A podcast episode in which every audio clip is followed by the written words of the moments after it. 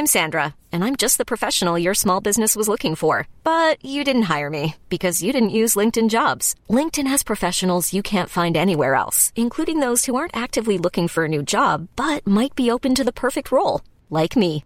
In a given month, over 70% of LinkedIn users don't visit other leading job sites. So if you're not looking on LinkedIn, you'll miss out on great candidates like Sandra. Start hiring professionals like a professional. Post your free job on linkedin.com/achieve today. Password Checkup forteller deg om dine passord har blitt kompromittert, Spotify vil bli Netflix for podkast, og konkursbølgen i den norske varehandelen blir bare større.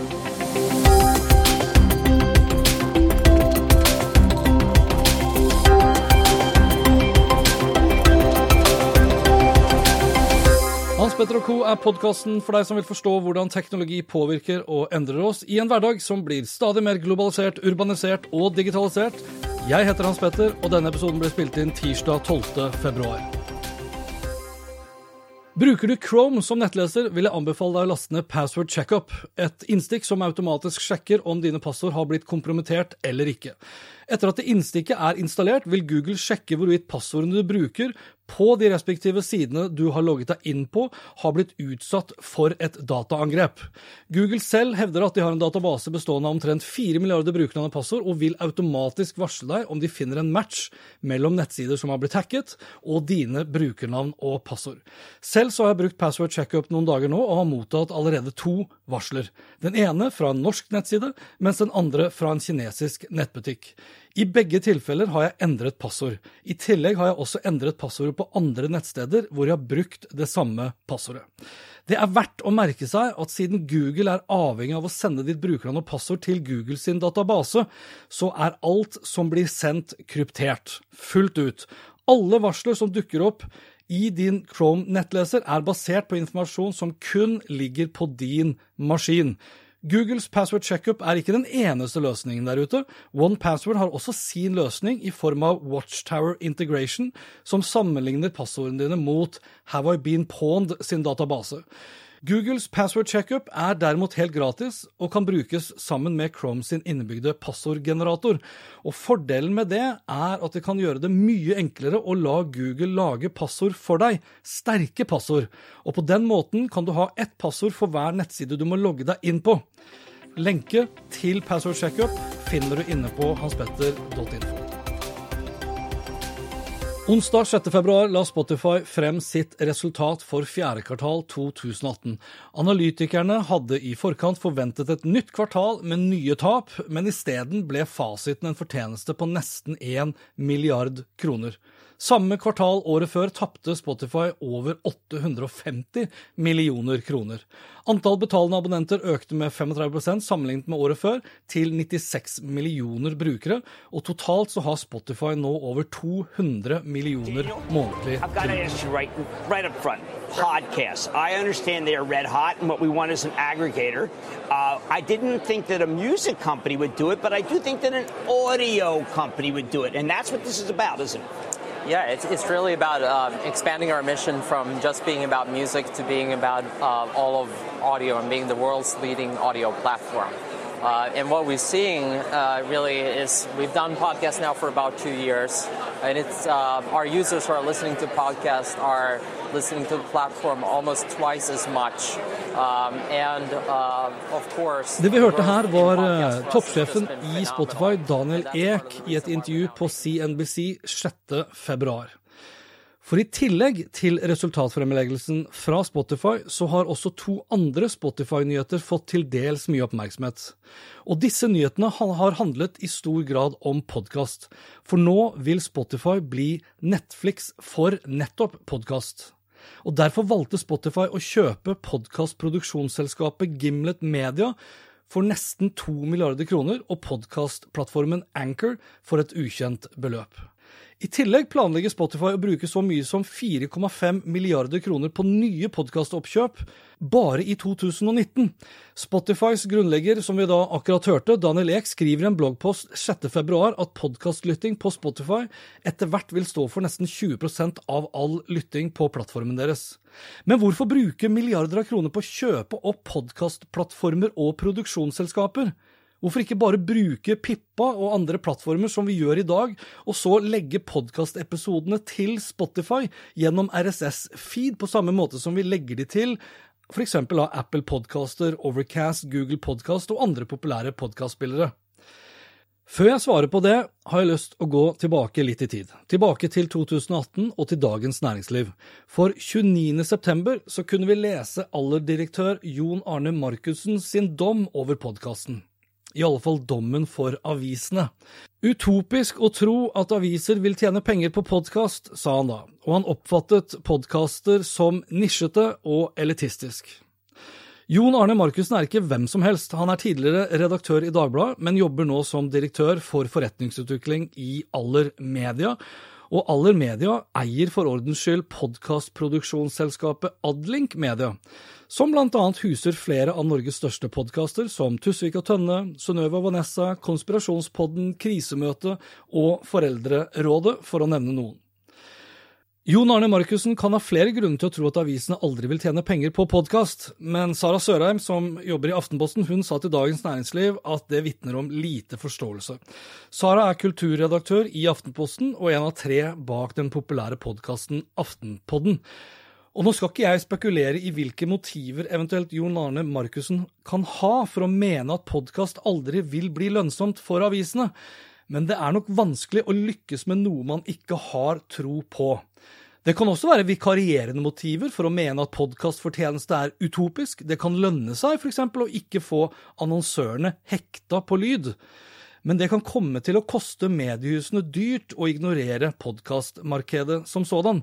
For på samme måte som avisene har tapt store reklameinntekter til annonseplattformene til Facebook og Google, så kan de også tape store inntekter til podkastplattformene også, til eksempel Spotify. Det å ignorere podkastmarkedet i dag tror jeg blir det samme som å pisse i buksa for å holde på varmen. Det er kortsiktig tankegang, for nå begynner flere mediehus å tjene gode penger på podkast. Ikke nødvendigvis norske, men iallfall internasjonalt. Faktisk så gode penger at innsatsen på lyd øker på bekostningen av video. Britiske Digiday skriver f.eks. 30. januar at The Economist, som nylig har lansert sin femte podkast, The Intelligence, opplever at deres månedlige inntekt fra podkastannonser økte med 50% i 2018. The Telegraph satser også sterkere på podkast, og har primært brukt podkast for å pushe abonnement. Kanskje slik noen av oss også kjenner til, har vært strategien til den populære podkasten The Daily fra The New York Times. The Telegraph har i tillegg redusert sitt videoteam med ti ansatte. Tom Sandich, som da jobber i The Economist, sier til samme Digiday at han ikke vil anbefale andre å ikke satse på video, men han mener det kan være enklere å tjene penger på podkastreklame enn video. Charlie Yates fra Mediacom sier også til Digiday at prisen på podkastreklame er så mye som 30% høyere sammenlignet med pre-rolls på video. Altså, vi lytter mer aktivt til en podkast, og vi lytter gjerne også til relevante podkastreklamer enn til pre-rolls på video. Derav begrepet skipad, som kanskje mange av oss er kjent med, hvor vi bare sitter og ser på når kan vi hoppe over pre-roll-reklamen på en YouTube-video, f.eks. The Ringer, som skriver om amerikansk sport, solgte podkastannonser i 2018 for mer enn 15 millioner dollar, eller 127 millioner kroner. Her er det viktig å legge til at antall downloads som The Ringer har per måned, er skyhøyt over hva man kan forvente av norske podkaster. I gjennomsnitt ble podkasten til The Ringer lastet ned ikke mindre enn 35 millioner ganger hver måned. Kostnaden for å reklamere på The Ringer lå i 2018 på et sted mellom 212 og 424 kroner per 1000 nedlastninger altså CPM, Cost per Thousand Impressions. Og uten en standard måte å måle på, så vil jeg tro at CPM i denne omgang handlet om antall nedlastninger. Antall nedlastninger da uten en garanti for at alle som lastet ned en episode, faktisk lyttet seg gjennom selve annonsen. Britiske medier sier de fortsatt venter på en standard podkastvaluta, slik vi også gjør her i Norge.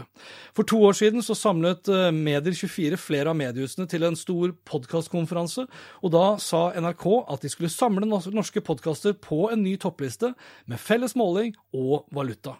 Men jeg har verken sett eller hørt noe mer om verken nye topplister eller standard podkastvaluta som sådan. Kanskje Daniel Eks Spotify kommer i forkjøpet her og etablerer en såkalt standard podkastvaluta, vel å merke for Spotify. I bloggposten han skrev 6.2, spør han seg selv hvorfor video er verdt ti ganger så mye som audio. Videoindustrien har en total markedsverdi på 1000 milliarder dollar, mens musikk- og radioindustrien kun har en verdi på 100 milliarder. Når vi bruker like mye av vår tid på å se på video som å høre på musikk og radio, hvorfor er sistnevnte da kun verdt en tiendedel, spør Daniel. Og det skjer samtidig som resten av verden er opptatt av å redusere all den tid vi bruker på f.eks. en mobiltelefon. Og her kommer podkast igjen inn i bildet, og Spotify sine oppkjøp.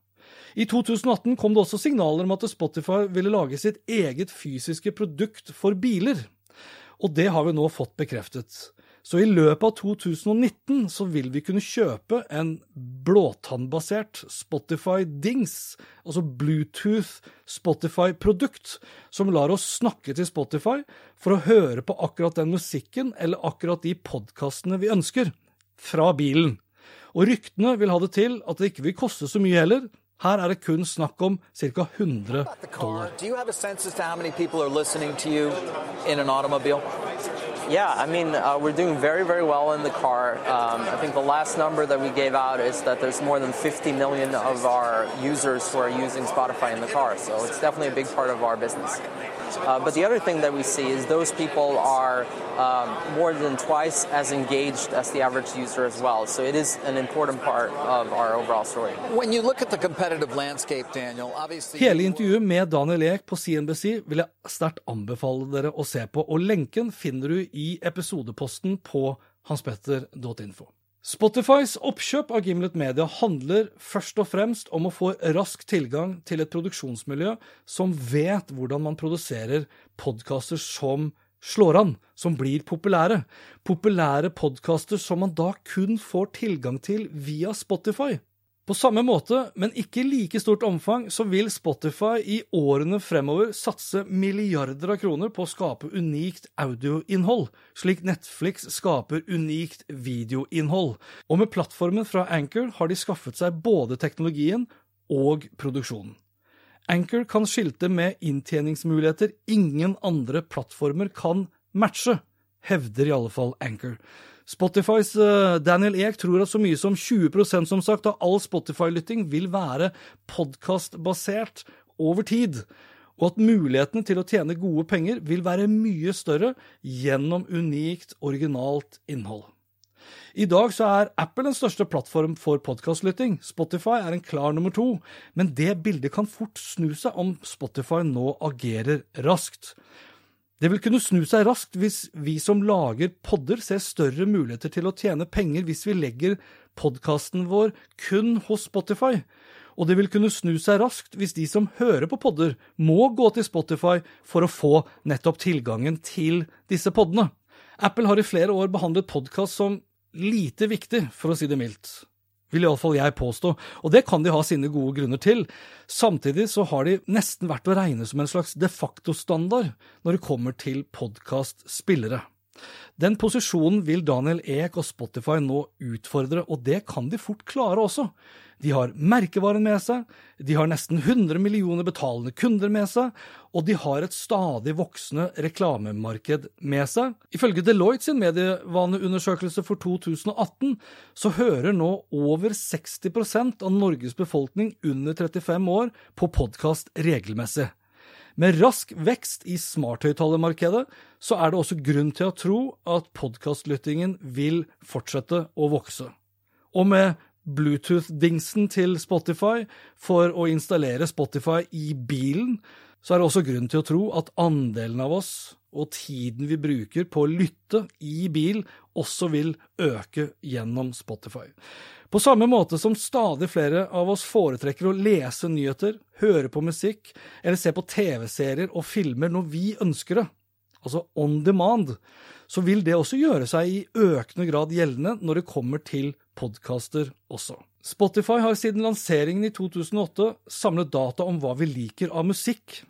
Med Anchor og Gimlet Media vil de kunne samle informasjon også om våre podkastvaner, Og den informasjonen kan de bruke for å selge relevant reklame som legger seg inn i podkastepisodene dynamisk og programmatisk. Jon Arne Markussen i alle medier kan fortsatt få rett i sine podkastspådom, men jeg tror mest av alt da for avisene. Men det er ikke fordi podkast er nisjete og elitistisk, men det er fordi mediehusene kanskje da velger å ikke ta podkastmarkedet på alvor, slik de har vist gang på gang, og ikke ta ny teknologi også på alvor. For historien har en lei tendens, dessverre, til å gjenta seg selv. Vi runder av med et par eh, tre små klipp. For i forrige episode så tok jeg for meg oversikten over de mest innovative økonomiene i verden. Og her ble Norge kraftig grusa av våre nordiske land. E24 skriver 9.2 at Norge ikke nådde opp blant verdens ledende teknologibyer. Og det er eiendomsmeglerselskapet Savills PLC som har utarbeida en indeks som rangerer verdens 30. ledende byer på teknologi. Målet og formålet med indeksen er å fastslå hvilke byer som er de beste å etablere seg i for teknologi- og startup-bedrifter. Og her topper New York listen for første gang, mens Stockholm og København de er de eneste nordiske byene inne på ikke bare topp 30, men faktisk er inne på topp 10 med henholdsvis 9. og 10. plass, mens det er ingen norske byer å se blant de 30 byene på listen.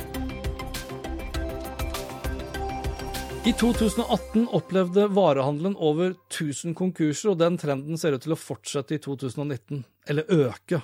Bare i januar gikk over 100 selskaper i varehandelen konkurs. Året starter med en voldsom økning. Konkurstallene i januar er det høyeste vi har sett noensinne, og da har vi historikk bakover til før finanskrisen, sier Per Einar Ruud, som er fagansvarlig for kreditt i Bisnode til E24. Eh, e Baksmellen etter fjorårets Black Friday er en av hovedårsakene til at konkurstallene i januar ble rekordhøye, sies det. Nå legger også Soundgarden.no inn håndkleet. Selskapet tok over deler av konkursboet til Spaceworld Soundgarden, som gikk konkurs i juni 2018. Og nå, åtte måneder senere, er også da dette selskapet dessverre konkurs. Liberation from the IMC brought chaos to the Outlands, and the revival of an old blood sport. Some legends fight for fortune, others answers. But we shall all be forged in the glorious realm. Mirage, quiet. Path, are we clear? This is my favorite Det nye spillet Apex Legends gis ut av Electronic Arts og ser ut til å ta opp konkurransen mot Fortnite. Og Fortnite håper jeg du har hørt om. Spillet dro i nesten 2,5 milliarder dollar i 2018, og det er mye penger med tanke på at spillet i seg selv er gratis. Apex Legends har nå satt ny rekord, for kun 72 timer etter at spillet ble lansert, så hadde over 10 millioner mennesker spilt det, skriver Forbes. Og til sammenligning så brukte Fortnite to uker på å oppnå tilsvarende volum av spillere. To uker mot tre dager der, altså. Og dette var det for dagens episode. Liker du det du hørte og vil forsikre deg om at du får med deg de neste episodene, vel, da kan du bl.a. abonnere på Hans Petter og Co. på Spotify eller på, på Apple Podcaster. Utover det så er podkasten selvfølgelig også tilgjengelig på Google Podcast, Overcast, TuneIn Radio og andre populære podkastspillere. Inntil neste gang, vær nysgjerrig, for det er den beste måten å møte vår digitale fremtid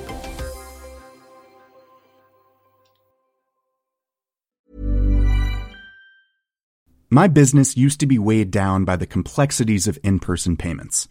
Then Tap to Pay on iPhone and Stripe came along and changed everything. With Tap to Pay on iPhone and Stripe, I streamlined my payment process effortlessly. Now I can accept in person, contactless payments right from my iPhone. No extra hardware required. What's truly remarkable is how I can cater to all of my customers' payment preferences. Whether they're using cards, Apple Pay, or other digital wallets, Tap to Pay on iPhone and Stripe ensure a smooth checkout experience every time. And it's not just me. Stripe helps businesses of all sizes, from local markets to global retailers, scale quickly and stay agile. To learn how Tap to Pay on iPhone and Stripe can help grow your revenue and reach, visit stripe.com/tapiphone. Why don't more infant formula companies use organic, grass-fed whole milk instead of skim? Why don't more infant formula companies use the latest breast milk science? Why don't more infant formula companies run their own clinical trials? Why don't more infant formula companies use more of the proteins found in breast milk? Why don't more infant formula companies have their own factories instead of outsourcing their manufacturing? We wondered the same thing. So we made ByHeart, a better formula for formula. Learn more at byheart.com.